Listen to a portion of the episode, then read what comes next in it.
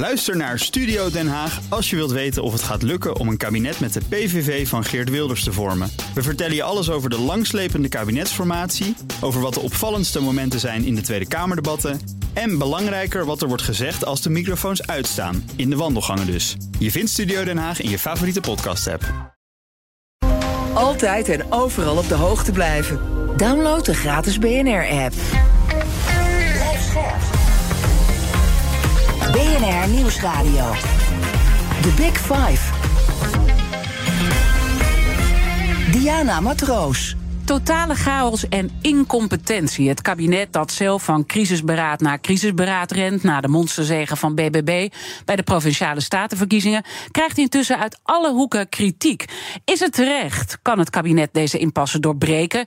En blijft BBB succesvol? En hoe gaat het nou verder met het stikstofdossier?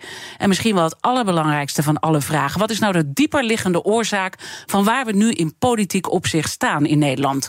Dat ga ik deze week onderzoeken in BNR's Big Five van de politieke aardverschuiving. Met vijf kopstukken. En vandaag trap ik deze week af met uh, niemand minder dan Gerdy Verbeet. Uh, vaker bij ons uh, in de Big Five. Voormalig voorzitter van de Tweede Kamer. Oud-voorzitter van het Nationaal Comité 4 en 5 mei. PvdA-prominent en commissaris in het bedrijfsleven. ontzettend fijn, mevrouw Verbeet, dat u er weer bent. Dank u wel, goedemorgen. We gaan straks uitgebreid natuurlijk in op die dieperliggende oorzaken van die monsterzegen van uh, BBB. Want dat is natuurlijk al heel lang uh, aan de gang. Maar in, uh, goed altijd om terug te kijken, zodat we daar ook weer succesvol voor uit kunnen kijken. Maar voordat we dat gaan doen, even twee belangrijke dingen. En het eerste is: is er nou daadwerkelijk sprake van een politieke aardverschuiving? Want zo heet de Big Five deze week. Maar is het zo? Nou, zeker in de provincies kan je dat zo zeggen. Hè, want er is natuurlijk een nieuwe partij die maar één zetel heeft in de Tweede Kamer. Is nu nou ja, op volle, uh, ik zou haast zeggen, uh, oorlogsterkte. Maar dat is niet het goede woord, denk ik. Uh, in de provinciale staten terechtgekomen. En in alle provincies de grootste. Ik denk niet dat dat ooit eerder vertoond is. Dus dat is zeker daar een aardverschuiving. Ik denk dat. Um, dat de richting van waarin de aarde verschuift niet uh, op voorhand helder is. Ik, denk, ik ken heel veel mensen die, uh, die minstens overwogen hebben om op de BBB te stemmen. Uh, en, maar vaak om verschillende redenen. Ja. Dus wat de richting is van, uh, van uh, BBB, dat zal ook weer een effect hebben op hoeveel mensen bij een volgende verkiezing opnieuw die stem op die manier zullen uh, uitbrengen. En we moeten ook niet vergeten dat 80% uiteindelijk ook op andere partijen heeft gestemd. Zeker. Hè? Dus ja, Zeker. dat is ook de democratie om daar Zeker. goed naar te ja. kijken. het tweede vraag die ik wil stellen is: ziet u het ooit gebeuren, Caroline van der Plas voor president? Nou, op, dat is veel te vroeg om dat nu te zeggen. Hè. Ik zie nog die prachtige foto van mevrouw Verdonk voor het Mauritshuis met de gespreide armen. Die stond toen ook 30 zetels in de peilingen, weliswaar. Ja. Hè. En het kan verkeren. Um, maar ik, ik vind het wel een, een, uh, een, een vrouw die heel veel in haar mars heeft.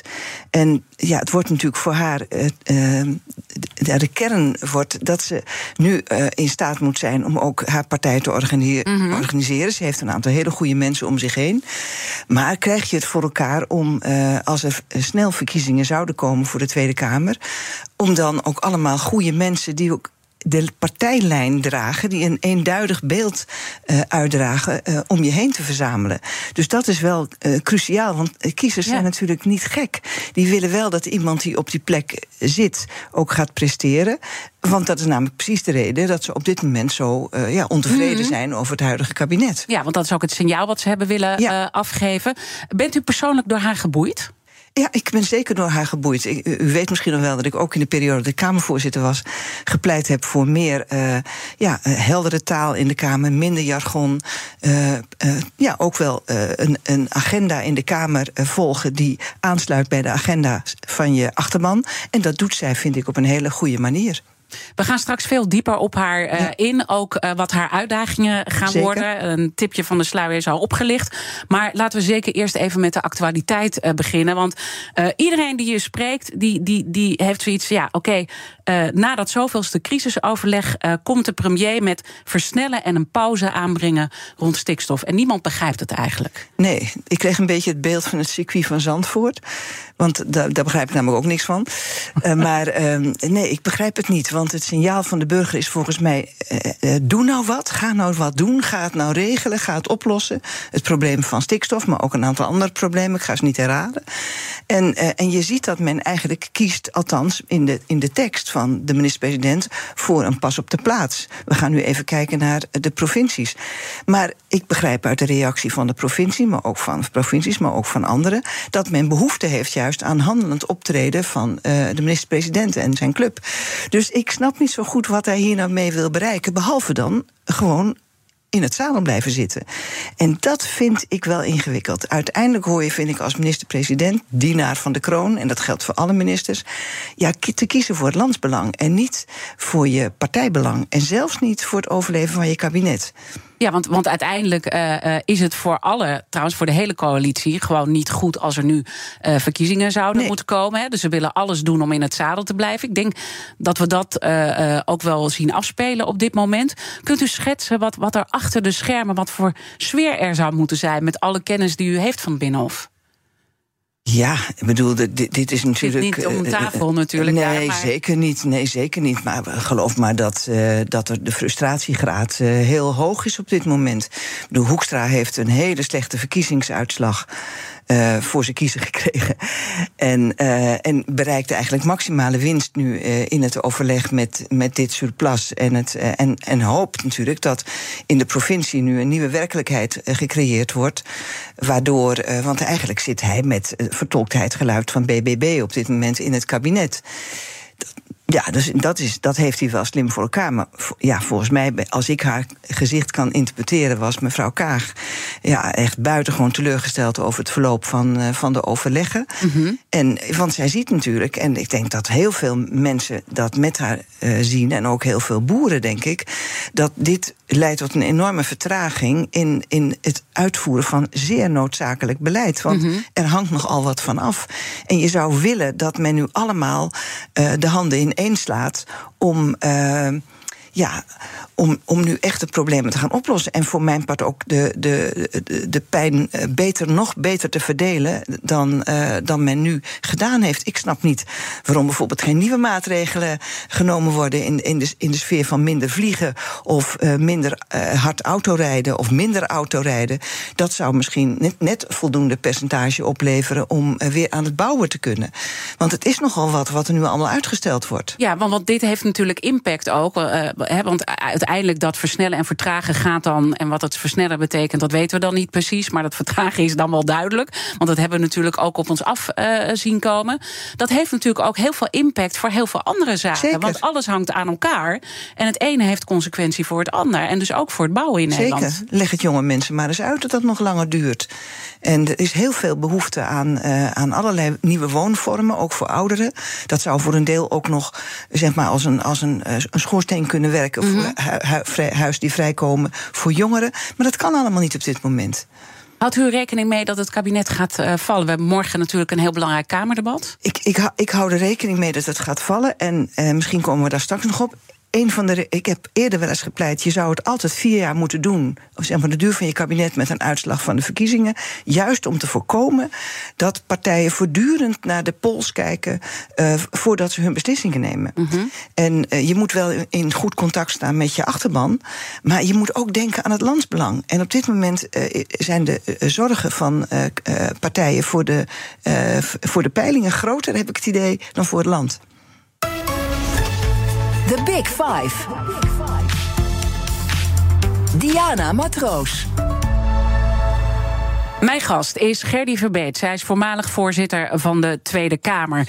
Um, laten we eerst toch even dat stikstof uh, verder uitlichten. Want dat is natuurlijk gewoon de, ja, het eerste wat nu uh, geraakt wordt. En afgelopen vrijdag kwam het nieuws naar buiten dat de natuur in Limburg, Zuid-Holland en Utrecht er niet goed aan toe is. En de provincies hebben weinig uh, inzicht in de oorzaak van de problemen. Dat is ook goed om daarbij te zeggen. dit wordt allemaal gezegd door het Ecologische Autoriteit. maar ze zeggen wel het houdt allemaal verband met te veel stikstof. Gaat dit nou de boel in versnelling brengen en het kabinet nog meer in de problemen? Ja, ik weet niet wat het kabinet nog meer in de problemen zou kunnen brengen dan wat er nu uh, aan de hand is, eerlijk gezegd. Men zal gewoon. Uh, mevrouw van der Plas had het over een, een, noodwet op dit moment. Nou ja, misschien uh, komt dat er wel aan. Alleen als je dan met zo'n noodwet komt, dan moet je wel, ja, je moet wel weten aan welke kranen je moet draaien en hoe ver ze open en, en dicht moeten. En ik heb het idee dat men daar op dit moment ook nog niet helemaal uit is.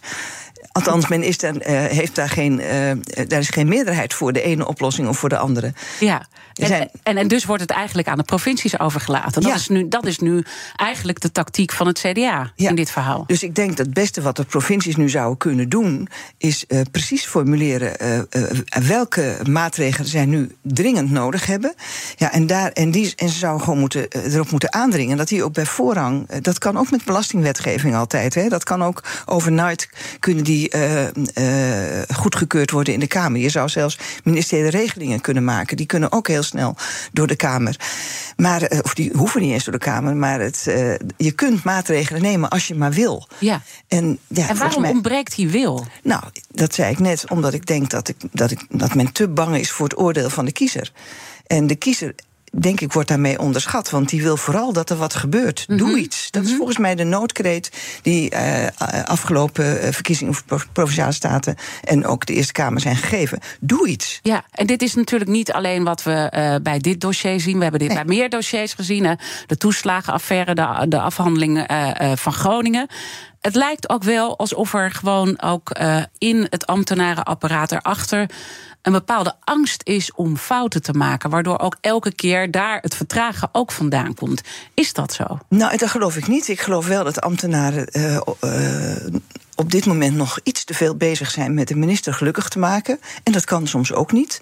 Dus het is ook belangrijk dat ze in een vroeg stadium precies zeggen wat wel en niet mogelijk is, wat wel of niet mag van Brussel, wat wel of niet toegestaan is bij de wet. Want die gelden natuurlijk altijd. En, uh, ja, en, en, en, en daar moet de minister ook uh, rekening mee houden. En daar moet natuurlijk ook in een kabinetsformatie rekening mee gehouden. Mm -hmm. Dat wat men uh, opschrijft, dat het ook in ieder geval door de wet niet belemmerd wordt.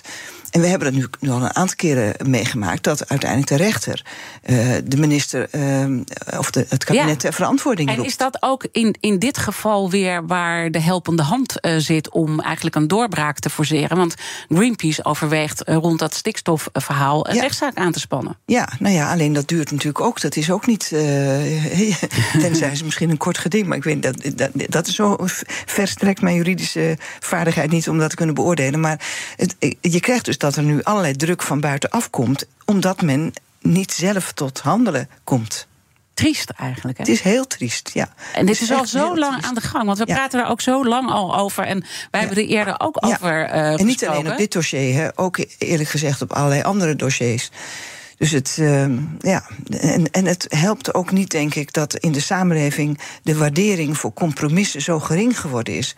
Ik, ik hoop echt dat ook, uh, ook de boeren, die nu toch, vind ik wel, een, een, een, een, een nou, hele uh, warme uh, bejegening vanuit de, de, de burgers ook gekregen hebben. Hè, want ze zijn mm -hmm. bepaald niet in de steek gelaten. En terecht, zeg mm -hmm. ik.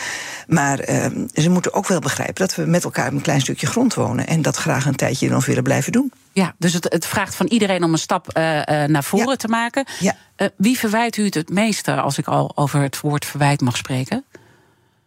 Nou ja, uiteindelijk verwijt ik het dan toch het meest aan, aan, aan politici. Dat ze ja, niet tot werkbare afspraken zijn, tot uitvoerbare afspraken ook zijn gekomen. Mm -hmm. Dat het mooie voorbeeld is ook over de BTW op groente en fruit. Dat had volgens mij de iedereen, iedere uh, ambtenaar dat kunnen uitleggen. Dat je dan in een moeras terechtkomt uh, als je dat wil regelen. Dat je dat op een andere manier moet doen.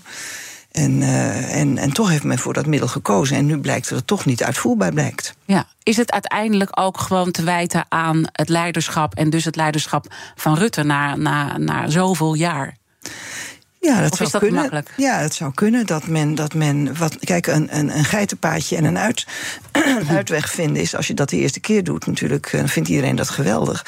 Maar als dat een methode wordt, dan weet men het van tevoren en dan, he, dan he, zet men zich ook als grap tegen dat soort oplossingen. Mijn gasten stellen elkaar vragen via de kettingvraag. In de vorige aflevering sprak ik met strafrechtadvocaat Gerard Spong. Toen maakte ik een week over opsporing en vervolging in Nederland. En Spong had deze vraag voor u. Nou, beste Gerdy, de volgende vraag heb ik voor jou. En die luidt: Kan Gerdy zich vinden uh, in het standpunt dat uit respect voor de rechtsstaat de Brusselse regelgeving in zaken stikstof volledig gerespecteerd moet worden en dat bijgevolg de innige samenwerking tussen PvdA en GroenLinks in zoverre erop neerkomt dat de lamme de blinde leidt. Nou, U moet lachen. Ja, ik moet lachen. Omdat hier wel hele bijzondere koppeling gemaakt wordt. ik snap dat u niet goed kiezen kon uit welke twee vragen. Ik pak de eerste. Uh, en ik vind vanzelfsprekend dat het stikstofbeleid van wat in Europa is vastgelegd, dat dat onverkort en, en ook onversneden uitgevoerd moet worden. Wat je wel ziet, is dat in heel veel landen dat op verschillende manieren wordt uitgevoerd. Hè? Want in Duitsland hebben ze een heel ander soort maatregelen als vlak over de grenzen in Nederland. Dus daar ligt misschien ook wel een oplossing. Maar de doelen en die zijn gesteld en die moeten gehaald. Uiteindelijk uh, heeft Caroline van der Plas gezegd: uh, Timmermans moet naar Den Haag komen. Wat vond u daarvan? Nou, dat vond ik wel bijzonder, moet ik eerlijk zeggen. Ja. Ja. ja. Nou ja, goed. En, hij en wat, hij wat betekent dat dat u zegt dat is wel bijzonder? Nou, dat, kijk, op zich uh, is zijn, uh, zijn werkplek is in, uh, in Europa. En hij werkt voor alle Europese landen. En als zij. zij heeft geen rechtstreekse relatie, zeg maar, hè, met, met Timmermans. Maar ik vond het heel stoer dat hij zei dat hij met alle plezier ook naar Den Haag kwam. Maar, maar het heeft ook een beetje te maken. en ik weet dat u het altijd belangrijk vindt om hoe je met elkaar omgaat ja. ook. En dat je respect toont. Ja. Is dit respectvol om dat zo te doen? Nee, dit is niet echt respectvol. Hoewel ik. Uh, ze respecteert in ieder geval niet zijn rol. Hè? Dus dat, dat, dat, is, dat is waar. Maar aan de andere kant, ja, in deze opgewonden periode vond ik dat nou niet het ergste. En daarom vond ik het ook heel goed dat Frans zei: Nou, ik wil het. Uh, of meneer Timmermans zei: Ik wil uh, met plezier ook naar u toe komen. Ja, dat, dat gesprek gaat plaatsvinden. Nou weten we, nou ja, Timmermans is ook briljant. Ik bedoel, Caroline is briljant in hoe ja. ze dingen heeft aangepakt. Zeker. Hoe gaat zo'n gesprek? ik bedoel, ik, ja, ik probeer even alvast voor of the fly on the wall te zijn. Ja, nou, dat, dat, wat, ik, wat ik interessant zou vinden, bijvoorbeeld als het gaat om, dat hoorden we net ook, die discussie tussen gedwongen en vrijwillige uh, uitkoop. Hè? Ja. Ik denk, dat uh, bij vrijwillige uitkoop, heb ik begrepen, hè, dus als ik lieg, lieg ik in commissie, uh, is het probleem dat dat vaak als staatssteun gezien kan worden. En dat, daar zijn ze in Europa niet blij mee. Bij gedwongen verkoop, dan heb je echt aangegeven dat het per se noodzakelijk is. Dat is dat niet zo. En volgens mij zou je iets moeten vinden om, om de hulp groter mogelijk te maken door iets van die twee met elkaar te verzoenen. Mm -hmm. Dus bijvoorbeeld uh, grote gehelen aan te wijzen, die zeg maar percentages aan te wijzen van gebieden die, uh, uh, die zeg maar natuur teruggegeven moet worden, zodat je makkelijker kunt laten zien dat je hier niet met oneigenlijke staatssteun bezig bent, maar echt met het redden van de natuur. Dus dat zou een uitweg uh, dus kunnen zijn. Dus misschien kunnen die twee met elkaar iets verzinnen. Ze, ze zijn beide grote communicators. Uh, waardoor ze uh, nou, misschien een oplossing kunnen vinden die ook voor de boeren aantrekkelijk is. Intussen zien we natuurlijk ook uh, bij de Europese Commissie van alles gebeuren. Er is ook een, uh, een, brief uitgelekt. En de een zegt, nou, Caroline van der Plas, die vertrouwde het allemaal niet uh, met die brief. Of die wel echt zou zijn, omdat die in het Nederlands was verschenen van de Eurocommissaris. Die zei, jullie moeten nu gewoon echt haast maken. Niet treuzelen met dat stikstof. En 2030 is gewoon, moet gewoon gehaald worden. Hoe kijkt u naar die communicatie vanuit de Europese Commissie? En de timing ook? Nou, ik begreep dat het een antwoord was op een brief in het Nederlands van de minister. Want ieder land heeft recht op in zijn eigen taal te kunnen communiceren. Dus dat er ook een antwoord in het Nederlands komt, dat lijkt me dan voor de hand te liggen. En er was ook een Engelse versie trouwens. Uh, ja, nou, dat, ja, omdat iedereen verder moet kunnen begrijpen. Niet iedereen ja. spreekt Nederlands onbegrijpelijk, maar uh, dat is nu helemaal zo. dus ik vind dat helemaal niet zo vreemd. En dat, ja, dit, dit, dit, uh, ja, dit het kan gelekt zijn, het kan toeval zijn, maar op enig moment zou die brief toch openbaar geworden zijn. Ja, um, maar dat die druk uh, daar wordt opgevoerd. Hoe denkt u nou dat het af gaat lopen met dat, met dat stikstofdossier? Ik bedoel, gaan we in de vertraging of, uh, als je alles bij elkaar en het hele spel eromheen kijkt, ook politiek gezien, ook vanuit Europa, moet het gewoon goed, goed doorgaan? Natuurlijk moet het goed, goed doorgaan, omdat het niet zomaar uh, beleid is, maar omdat het beleid is wat erop uh, gericht is om onze aarde leefbaar te mm -hmm. houden. Hè? En dit kan natuurlijk niet alleen maar nationaal beleid zijn, omdat het probleem zich niet stoort aan grenzen. Dus je moet bij uitstek dit soort dingen samen doen. En ja, de oplossing ligt in feite al in het rapport van Remkes. Die had natuurlijk een aantal momenten dat we zouden kijken: liggen we goed op schema? Moeten we een beetje extra gas geven ergens? Of moeten we misschien uh, uh, wat vertragen? En uh, ik heb altijd begrepen dat we in de wet 35 staat en dat we dat zelf naar voren gehaald hebben tot 2030. Ja. Dus, ja, ja maar, maar, maar, in de brief van, van de eurocommissaris staat ook 2030. Ja, omdat het ook in onze eigen wet staat. Hè? Dus, ja. dat is een, dus ik, ja, ik, ja, maar goed, aan het onmogelijk is niemand gehouden. Maar je moet wel. En dat vind ik, dat vind ik altijd wel goed dat mevrouw Van der Plas ook altijd zegt. Ik, ik ondersteun de doelen van de wet. En het moet natuurlijk niet zo zijn dat het Sint-Jutemus wordt.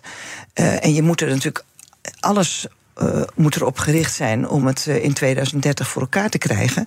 Maar ja, Remkes heeft al gezegd: we gaan uh, op een bepaald aantal momenten, twee momenten, mm -hmm. dacht ik, voor die tijd kijken: liggen we goed op koers of niet? En moeten we een beetje bijschakelen? En dat, dat rapport heeft volgens mij half Nederland omarmd. Of meer dan de helft van Nederland, lijkt een democratische term. Dus dan weet dus je daar ook, zit ook wel in de uitweg. Ja, dat zit allemaal niet in, in, in marmer gehouden, hè? Morgen dan uh, spreek ik ook over al deze zaken met oud-politicus Ed Nijpels.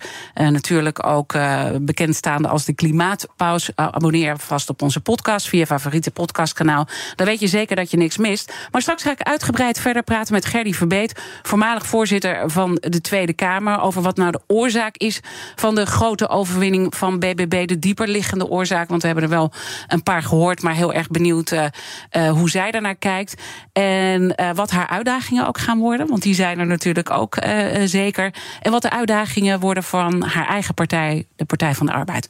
Blijf luisteren.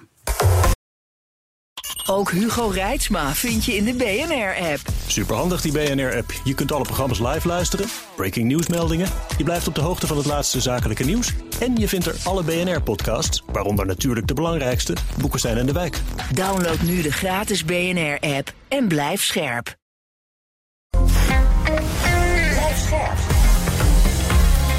BNR Nieuwsradio. The Big Five. Diana Matroos. Welkom bij het tweede halfuur. Deze week praat ik met vijf kopstukken die de politieke aardverschuiving die nu plaatsvindt kunnen duiden. Althans, het is maar net hoe je naar dat woord uh, kijkt. Morgen praat ik erover met oud-VVD-politicus Ed Nijpels. Natuurlijk ga ik met hem ook uh, spreken over de interne perikelen bij de VVD. Want uh, elke partij heeft nu zijn eigen problemen. maar natuurlijk ook als klimaatpaus ga ik met hem spreken over de impact van de verkiezingsuitslag op het stikstofdossier en het klimaat. Mijn gast vandaag is Gerdy Verbeet, voormalig voorzitter van de Tweede Kamer. In komend half uur wil ik in ieder geval nog twee onderwerpen met u bespreken. Namelijk wat de uitdagingen zullen worden voor BBB en voor Caroline van der Plas. En wat de dieper liggende oorzaken zijn van de megawinst voor BBB. En laten we met dat uh, uh, laatste beginnen. Er is ook al heel veel over gezegd, natuurlijk. Ook al in de afgelopen weken en ook voor de verkiezingen. Maar als u nog een paar cruciale punten eruit zou willen lichten, welke zouden dat zijn? Nou, dan denk ik de grote problemen waar we in Nederland uh, geen oplossing voor vinden. Hè. Ik denk dat heel veel Nederlanders zich daar zeer aan storen. Uh, het tweede, een, een, een vrouw die uh, zeer authentiek uh, opereert, begrijpelijk opereert. ja, ze zou zo je buurvrouw kunnen zijn. Ja. En, en die ook, ehm, voor mij is dat althans doorslaggevend, wel een echte democraat is. In, he, je kan. Uh, er hebben natuurlijk ook wel partijen in de Kamer waarvan ik eerlijk gezegd uh, soms wel eens een beetje ongerust word. Omdat ik denk: werk je nou mee aan een sterke uh, democratie, parlementaire democratie? Of heb je eigenlijk een andere agenda? Bij uh, Caroline is het uh, heel duidelijk dat ze uh, echt kiest voor de democratische weg, voor de mm -hmm. parlementaire weg. En ehm, ja, ik denk dat, dat mensen dat aanspreekt. Dus in die zin is het ook een geruststelling, hoor ik in uw woorden, dat zij het nu is geworden die die megawinst heeft. Ja, ze neemt, ze neemt, het, ze neemt het kabinet serieus. ik vind ook dat ze haar bijdrage in de Kamer, die is wel scherp, maar wel volgens het reglement van orde. Ja, mhm. begrijp dat ik daar als oud-voorzitter begrip voor heb. Ze is ook niet. ze, gaat, ze speelt niet op de man, ze speelt echt op de bal. En dat, uh, ja, dat vind ik voor een, voor een goede democratie, zeker als, als, de, als de problemen zo uh, groot zijn waar we voor staan, dan, uh, dan, moet je, ja, dan moet je elkaar ook wel een beetje heel houden. Mm -hmm. En, en, dat doet ze dus goed. Ze laveert ik, ja. goed en ze is uh, duidelijk. Ja. Uh, en dat is denk ik ook iets wat andere politici van haar kunnen leren. Ik bedoel, ja, ook eigenlijk bij de, bij de verkiezingsdebatten. Hè, normaal zie je iedereen altijd in keurige kleding. En, en zij staat daar gewoon, uh, ja, gewoon zoals Caroline, zoals we haar kennen. Ja. Uh, en, en dat is ook een bepaalde echtheid natuurlijk. Ja, waar you, mensen ook op zitten te wachten. Ja, what you see is what you get. Ja. ja. Maar ik denk ook dat het bij haar past. Ik bedoel, uh, als ik met kaplaarzen ergens zou komen, zou men echt denken dat ik, dat ik, dat ik niet wist dat ik een afspraak had. Weet je? Dus ja. het moet, en moet bij je passen. ja, het moet bij je passen. En zij kiest dus voor te blijven wie ze, wie ze mm -hmm. was. Dus één punt waar ik, waar ik anders over denk dan Caroline. We hadden het net even over een uh, mogelijke ontmoeting met, uh, Timmermans. Uh, met Timmermans. Dat zou ik heel interessant vinden. Ik geloof niet, ik heb niet gehoord wanneer die, of die al gepland nee, maar hij is. Komt wel, hij komt wel. Nou, kijk, dan, dan zou ze wel op dat moment moeten begrijpen dat, en dat moet zij toch met haar agrarische achtergrond ook kunnen begrijpen. Een broedende kip moet je niet storen. Dus soms moet je ook wel eens in een achterkamertje dan met elkaar de mogelijkheden kunnen verkennen van hoe ver zou jij kunnen gaan, hoe ver zou ik uh, kunnen gaan om een compromis te bereiken. Mm -hmm. en, uh, en, en, vergeet niet dat, uh, dat het is niet de eerste keer dat landen voor grote problemen komen te staan, maar ook een groot ma maatschappelijk effect. Lim, Timmermans is opgegroeid in Limburg en heeft daarvan zeer nabij de, de, de, de mijnsluiting uh, meegemaakt. Dat was ook voor de bevolking daar een enorm ingrijpende uh, operatie. Daar hebben toen politieke partijen, ook mijn eigen partij, de Partij mm -hmm. van de Arbeid, verantwoordelijkheid voor genomen. Zijn er ook uh, soms, zeker in Limburg, zeer voor gestraft. electoraal gezien, ja. maar ze zijn wel genomen. En ik hoop dat, dat juist die achtergrond van Timmermans hem misschien ook nog extra energie geeft om, om dat gesprek met, met Kernan van der Plas in een, in een ja, zeg maar opbouwende sfeer te kunnen voeren. En, en dat, dat, zij daar dus ook voor open staat. Wat denkt u met wat u van haar gezien heeft in de afgelopen periode en van de partij? Nou, ik, ik heb één keer het genoegen gehad met het te spreken. En ja, ik vond het een, echt een prettig gesprek. Een respectvol gesprek over en weer. Mm -hmm. en, althans, van mij uit. Mm -hmm. Ja, ik voelde dat zeker dat dat zo was. Dus ik heb daar wel vertrouwen in dat ze kan zien waar iemand probeert een gebaar te maken. Terwijl je natuurlijk toch uiteindelijk van verschillende politieke bewegingen mm -hmm. uh, lid bent. Ja, ja, Ik, wou, ik wou er achteraan zeggen ja. dat natuurlijk nog wel een beetje zoeken is wat precies de BBW staat, politiek gezien, op allerlei uh, uh, punten. Sociaal-economisch vind ik het soms meer, soms meer links. nou, qua milieu zou je dan kunnen zeggen, zit ze meer aan de behoudende kant. Hoewel ik aan de andere kant zeer met haar eens ben dat heel veel boeren ook zeer voor het milieu zijn. Hè. Dus het is nog een beetje zoeken, zoeken en tasten. nou, wat, en wat, ja. die, wat, wat die B van de burgerbeweging dan ja. is, hè, de burger. de bredere onderwerpen. Nou, spreek ik later deze week het boegbeeld van de Eerste Kamer, Ilona Lagas van BBB. Zeker, ook leuk om die eens een keer te horen, want het is natuurlijk meer dan alleen Caroline van der Plas. Uh, wordt dat trouwens nog een, een, een, uitdaging wel om toch weer terug te gaan naar Caroline van der Plas? Dat ze, um, u benoemde het net al eventjes kort, maar dat er toch ook wel verschillende bloedgroepen in die partij zijn. Het zijn heel veel uh, mensen die ook van andere partijen, van de ja. VVD, van het CDA, ja. ja. vandaan komen. En zeker nu de bal zo bij de provincies wordt neergelegd, kan je daar natuurlijk ook wel wat verschuivingen dat, gaan krijgen. Dat wordt heel spannend. En, en het, het, is altijd al ingewikkeld om, uh, om op één lijn uh, te blijven. En dat is de kracht, maar soms ook wel de kwetsbaarheid van landelijk opererende partijen. En ja, dat, die uitdaging, want er zijn mensen met een CDA-achtergrond in de Mhm. partij, heel veel. Mevrouw Lagas heeft volgens mij een, een, een eh, VVD. VVD-achtergrond. Nou, dus ze zullen moeten zoeken ehm, eh, ja, waar ze elkaar kunnen vinden. En dat, is, dat, dat wordt echt ingewikkeld. Daar Ja. zal veel regie op moeten Zijn er nog meer eh, uitdagingen voor haar om succesvol te blijven? Nou, nu ze zo groot is, zal ze ook enorm belobbyd gaan worden. En behalve dat dat agenda technisch een uitdaging is, want ze zit helaas in de, in de in het, of helaas, eh, voor haar dan helaas, in de Tweede Kamer nog eh, met één, eh, één eh, zetel. Dus ze kan niet zeggen. Ze heeft weinig ondersteuning. Alhoewel, mijn- ze heeft wel achter de schermen natuurlijk. Hè, want Ja, er zit ook een goed. succesvol reclamebureau achter. eh, Maar een lobbyist wil niet praten. Die wil, uiteindelijk willen ze praten met degene die politiek verantwoordelijk is. En, eh, Ja. en eh, echt in de Kamer ook zijn stem kan, of haar stem kan laten horen. En ja, dat moet, op dit moment doet ze dat alleen. Ja, dus dat wordt een, eh, een uitdaging. Maar ook dus eh, los van de capaciteit. eh, hè, ik bedoel, ja, het is ook maar één persoon. En met wel heel veel mensen achter zich, maar die mensen willen met haar eh, spreken. Je komt natuurlijk ook gewoon in een Haagse politieke werkelijkheid eh, terecht. Want ik heb meer mensen gehoord die, nou ja, met, met heel veel enthousiasme aan iets begonnen. En we moeten dit veranderen. En de bureaucratie moet, Ja. moet aangepast worden. En die, die komen ook bedrogen uit, want die komen in die politieke werkelijkheid terecht. Ja. Kunt u schetsen waar zij in terecht komt? Nou ja, precies in wat u denkt. Beter dan u kan ik het niet doen. Er, er zijn natuurlijk allemaal eh, dingen die. verplichtingen, regels, eh, wetten. eh, en, hè, en tussen droom en daad. eh, U kent het prachtige gedicht. Eh, en dat, dat zal ze moeten accepteren. Volgens mij. eh, het lijkt wel of ik hier in de, in de propaganda zit van, eh, van mevrouw Van der Plas. Maar ik heb haar wel nu al horen zeggen: ik zal ook af en toe mensen moeten gaan teleurstellen. En ze heeft ook in de periode dat de acties wel erg eh, uit de bocht vlogen, daar ook afstand van genomen.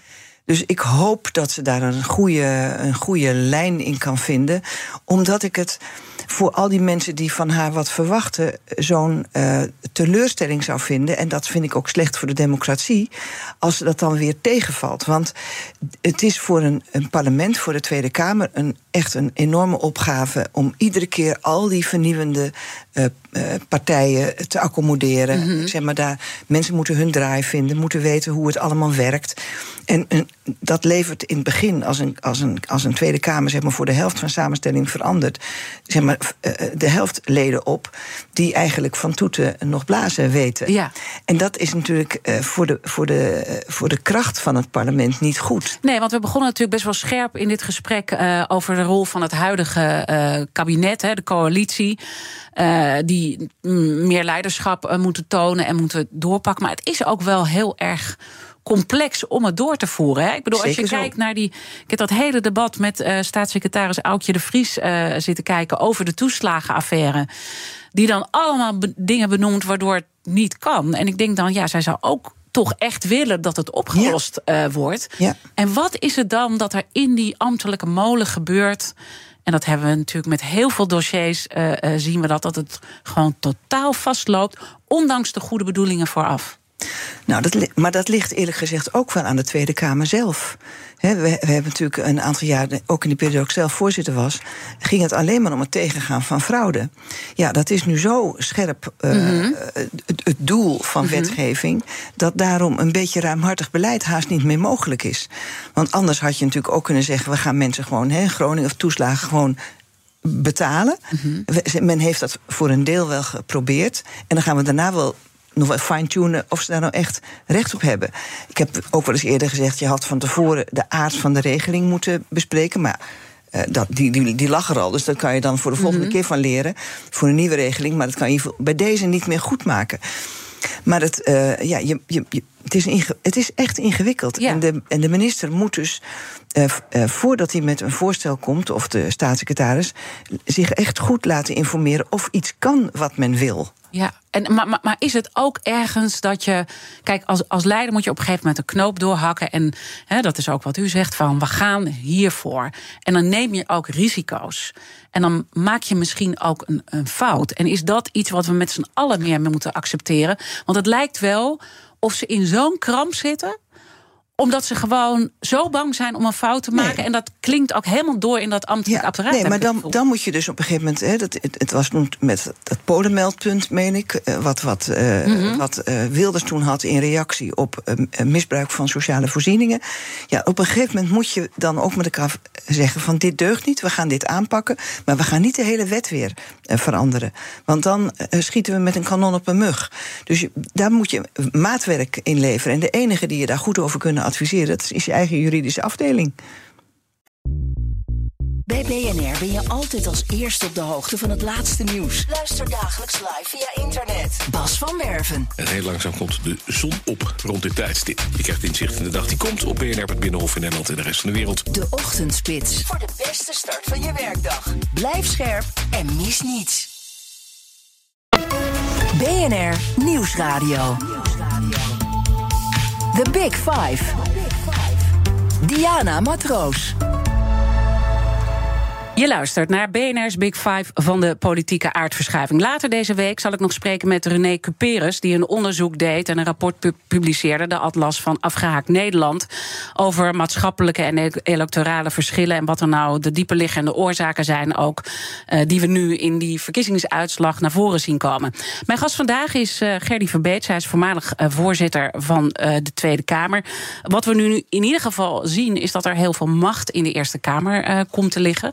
En uh, nou, ik weet al in het verleden dat u wel heeft gezegd van, uh, nou, misschien moeten we daar ook uh, wat andere oplossingen voor gaan verzinnen. Want dat is misschien niet de bedoeling dat dat zo gaat. En dat zien we nu wel echt aftekenen. Er zijn al twee verkenners van Friesland en van Zeeland. Die hebben gezegd: joh, dit 2030 dat gaat hem niet worden.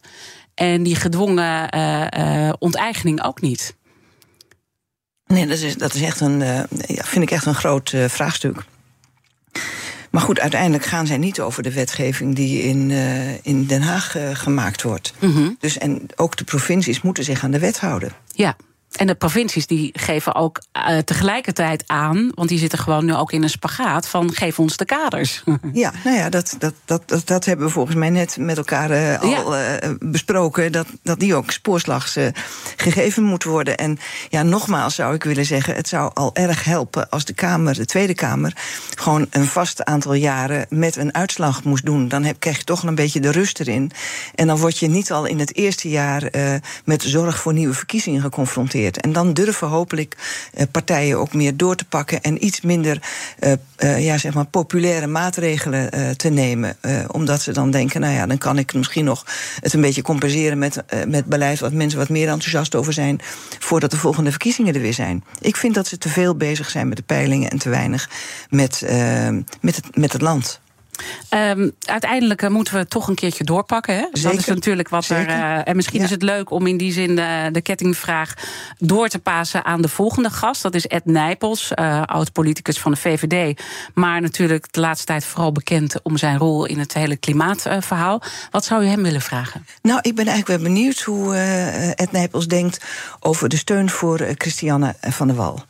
Uh, ik zou denken dat, dat, uh, dat zij echt uh, heel veel steun verdient om, om haar beleid uit te voeren. Ik vind haar eigenlijk ook heel helder altijd in, in hoe ze het formuleert.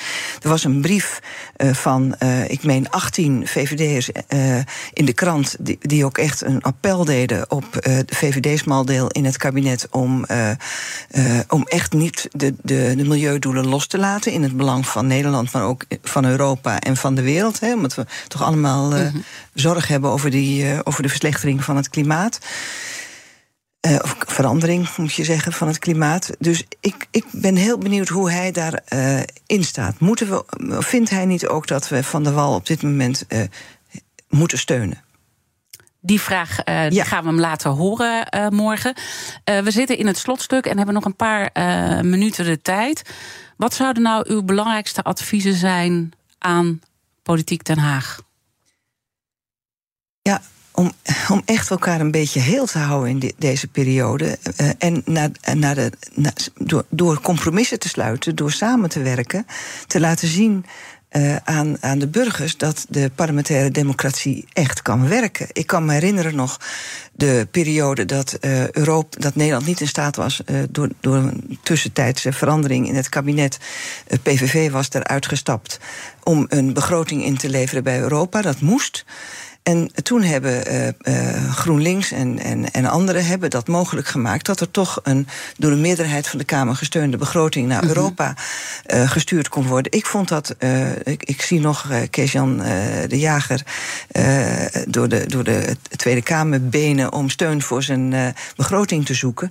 Ik vond dat het hoogtepunt van de politiek. En eigenlijk denk ik dat na, dit, uh, na deze verkiezingsuitslag, waarbij je eigenlijk toch, hè, er is toch echt nieuw staatsrecht uh, geschreven met een kabinet waar, waar, de eenheid van kabinetsbeleid niet meer bestaat. Hè. Ze, ze spreken niet meer met één mond op dit moment. Dus eigenlijk heb je de facto op dit moment een, uh, een, een, een, ja, toch een kabinetscrisis. Zou ik het mooi vinden als als de, de Kamer als geheel uh, nu uh, de hand aan de ploeg uh, zou zetten en samen tot goed beleid zou komen. En in die zin is natuurlijk ook het Kamerdebat morgen heel erg belangrijk. Ja. En verwacht u dan ook dat het daar gaat gebeuren, of gaan we daar weer iets anders zien aftekenen? Nou, ik, ik, ik, roep, ik, ik, ik hoop dat het zou heel goed kunnen. Het laatste, natuurlijk zal men ook een paar harde noten willen kraken over hoe dit allemaal zo is gegaan. Maar alsjeblieft, in het in belang van Nederland, zoek gezamenlijk naar oplossingen dat die bouw weer uh, aan de gang kan komen. Dat de boeren perspectief en hebben. jezelf eigenlijk ja, een beetje. Niet, niet partijbelang, niet campagnestand, maar landsbelang. Maar te, tegelijkertijd uh, zie je natuurlijk wel ook een, een bijna een kabinet in slow motion vallen. Ja, natuurlijk. Ja. want zo begonnen we ook het gesprek. Dat die kans heel groot is. Misschien ja. zelfs wel morgen dat ze er gewoon niet uitkomen. En dan, dan spelen natuurlijk toch die verkiezingen heel erg een rol. Ja, nee, dat is, dat is ook zo. En, uh, en ik zou dat dus buitengewoon uh, treurig vinden. Maar uitsluiten kan ik het niet. Mm -hmm. en, maar alleen je weet dus niet wat dan de verkiezingen brengen. Want nou, we hebben net al gezegd, uh, voor mevrouw van der Plat, BBB heeft een enorme uitdaging om dan een, een sterke, consistente uh, uh, fractie te vormen. Uh, die, die allemaal echt op dezelfde manier naar de problemen kijken. En als ze dat niet doen, dat in ieder geval binnen, binnenskamers te houden. En ja, dan moet je echt een grote politieke partij kunnen runnen. En, ja, en ik denk dat de kiezer not amused is als ze nu weer zo snel opnieuw naar de stembus moeten. Dus het is niet goed voor het land. Het is niet goed voor het land en dat is wat u steeds blijft uh, benadrukken. Uiteindelijk, uh, um, wat zou uw advies zijn aan uw eigen partij? Want u bent, ik zei P van de A prominent. Nou ja, eigenlijk bent u dat natuurlijk al uh, lang ontstegen door al uw andere werk. Maar toch uh, ook een beetje om op de vraag terug te komen. Uh, de, de tweede aspect van de vraag van Gerard Sprong. Ook de uitdaging GroenLinks en de Partij van de Arbeid in dit hele spannende klimaat op dit moment. Nou, ik vind dat, dat ook mijn eigen partij uh, natuurlijk een scherp oordeel moet hebben over het, uh, nou, het falende kabinetsbeleid. Hè, want men is toch niet in staat om steun te vinden voor de eigen maatregelen. Maar daarna ook wel weer verder moet kijken. En ook met, als het allemaal een jaar lang stil ligt door verkiezingen, dat komt 2030 ook uit beeld. Dus je moet ja, kiezen uit twee kwaden op dit moment. Je wil eigenlijk natuurlijk het liefst een kabinet wat niet functioneert, zo snel mogelijk van het toneel verdwijnt. Maar je moet je wel afvragen, wat betekent dat voor de moeilijke maatregelen die nu genomen moeten worden? Het is een hels dilemma. Hè? Het is Want een je moet dilemma. Uh, ja. authentiek blijven aan de ene kant. Ja. Maar ook uh, je eigen belang ontstijgen. Ja, maar onderschat de kiezer niet. Hè. De, de, de kiezer uh, is niet dom en die kiest ook voor het landsbelang. Ik denk dat dat hele mooie woorden zijn om dit uh, gesprek uh, te besluiten. Dank dat u weer te gast uh, wilde zijn, Gerdy Verbeet. En hopelijk weer tot een volgende keer. En alle afleveringen van BNR's Big Five zijn zoals altijd terug te luisteren. Abonneer op onze podcast via onze app of je favoriete podcastkanaal. Dan weet je zeker dat je niks mist. Maar blijf vooral live. Zometeen Iman Verrips met BNR breekt. Hoe het is om met robots te werken en of we daar allemaal een beetje zin in hebben. Het lijkt mij wel spannend. Ik wens je een mooie dag. Ook Hugo Reitsma vind je in de BNR-app. Superhandig die BNR-app. Je kunt alle programma's live luisteren, breaking nieuwsmeldingen. Je blijft op de hoogte van het laatste zakelijke nieuws. En je vindt er alle BNR-podcasts, waaronder natuurlijk de belangrijkste, Boeken zijn in de wijk. Download nu de gratis BNR-app en blijf scherp.